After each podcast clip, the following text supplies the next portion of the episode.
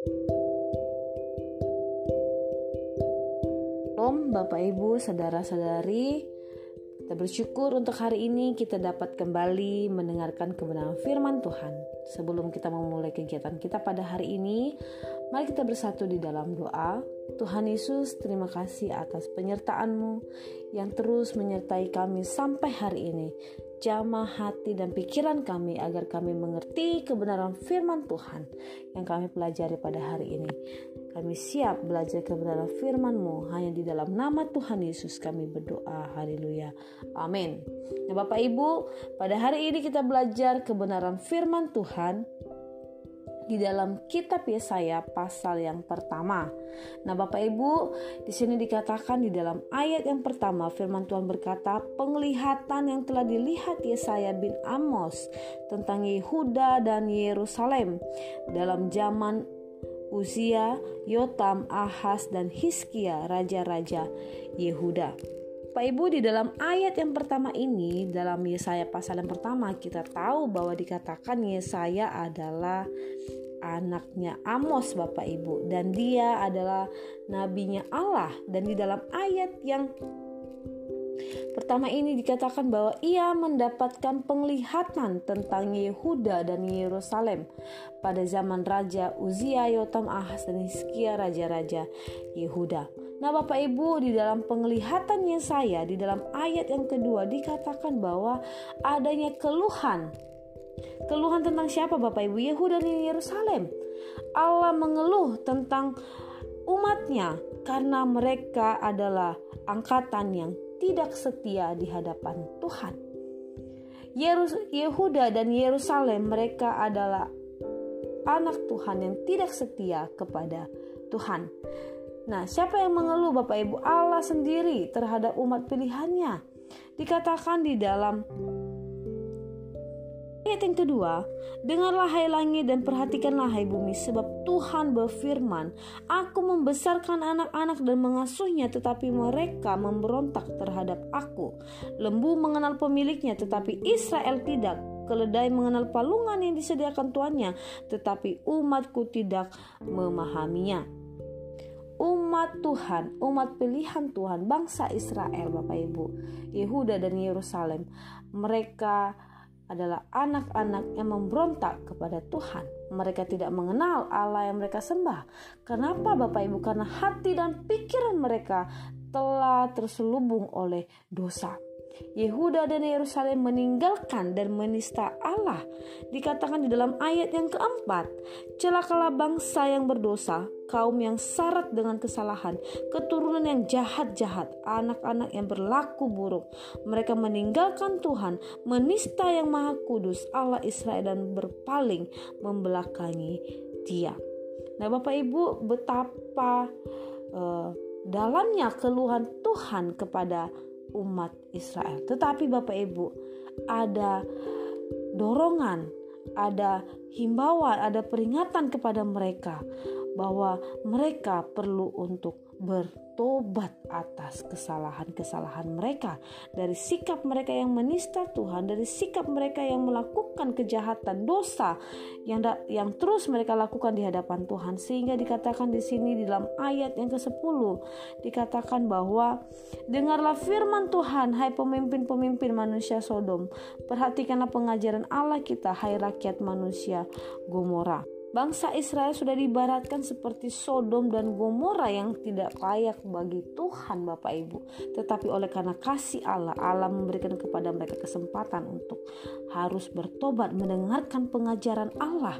Bapak Ibu, Mendengarkan pengajaran Allah berarti kita harus mencintai kebenaran firman Tuhan, mencintai firman Tuhan, merenungkan firman Tuhan itu siang dan malam yang menjadi perenungan pada kita pada saat ini, Bapak Ibu dan saya di mana pun kita berada, seberapa besar, seberapa dalamnya Bapak Ibu hasrat kita, kerinduan kita untuk ingin belajar pengajaran tentang Allah, yaitu belajar tentang kebenaran firman Tuhan. Dikatakan bahwa Allah tidak menghendaki Bapak Ibu, oleh karena bangsa Israel yang jahat di hadapan Tuhan, mereka menista kekudusan Tuhan Bapak Ibu.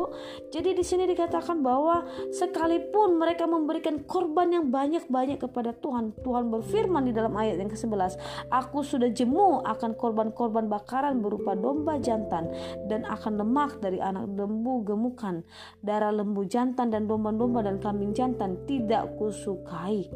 Allah ingin Bapak Ibu hidup kita secara totalitas menjadi miliknya Tuhan. Allah ingin Bapak Ibu kita sungguh-sungguh mengasihi Tuhan.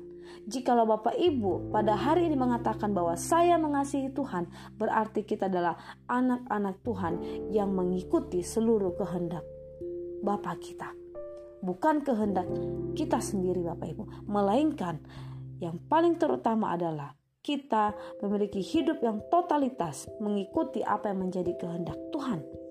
Oleh sebab itu di sini dikatakan di dalam ayat yang ke-11 Allah berkata kepada bangsa Israel melalui Nabi Yesaya dikatakan bahwa Allah tidak menghendaki korban-korban yang banyak Bahkan dikatakan bahwa semua persembahan mereka itu merupakan kejijikan bagi Allah karena Allah melihat perbuatan mereka yang penuh dengan kejahatan dan dosa.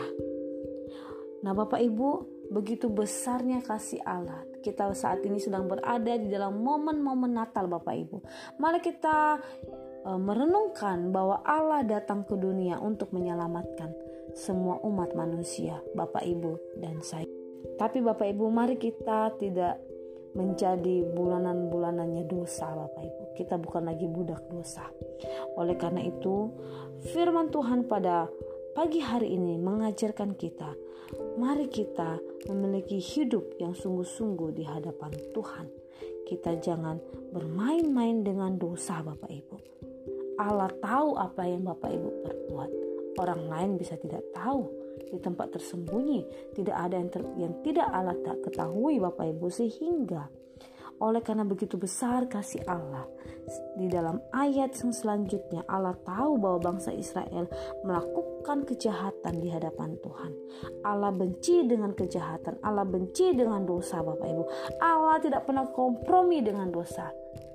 Tetapi Bapak Ibu, Allah adalah kasih. Di dalam ayat yang di dalam ayat yang ke-18 dikatakan, Marilah baiklah kita berpekara firman Tuhan. Sekalipun dosamu merah seperti kirmizi akan menjadi putih seperti salju. Sekalipun berwarna merah seperti kain kesumba akan menjadi putih seperti bulu domba. Jika kamu menurut dan mau mendengar, maka kamu akan memakan hasil baik dari negeri itu. Tetapi jika kamu melawan dan memberontak, maka kamu akan dimakan oleh pedang. Sungguh Tuhan yang mengucapkannya. Jadi di sini Bapak Ibu, bangsa Israel mereka diingatkan bahwa mereka harus mau mengaku dosa di hadapan Tuhan karena Dia adalah Allah yang setia dan penuh kasih. Di dalam kasih Allah, Allah tidak mengizinkan kita untuk menjadi bagian yang melakukan kejahatan di hadapan Tuhan, melainkan di dalam ayat yang ke-17 dikatakan, "Belajarlah berbuat baik, usahakanlah keadilan, kendalikanlah orang kejam, belalah hak anak-anak yatim, perjuangkanlah perkara janda-janda." Bapak Ibu, saudara-saudari yang terkasih, mari pada hari ini Bapak Ibu, jikalau ada hal-hal yang masih kita tahu itu bertentangan dengan kebenaran firman Tuhan, kita tahu itu adalah dosa di hadapan Tuhan. Mari kita berhenti sampai hari ini Bapak Ibu. Pada saat ini, Mari minta tangan kuasa Allah yang bekerja untuk menolong kita. Biar kiranya hidup kita adalah hidup yang dipimpin oleh Roh Kudus. Hidup yang di mana pikiran kita dibukakan agar kita mengerti apa yang menjadi kehendak Tuhan dalam kehidupan kita. Sehingga Allah berkenan kepada kita. Kita tidak mencari perkenanan manusia, melainkan apa yang menjadi perkenanan Allah. Itulah yang kita lakukan, Bapak Ibu. Baik kiranya kebenaran firman Tuhan pada pagi hari ini memberkati kita semua di mana pun kita berada. Tuhan Yesus memberkati. thank you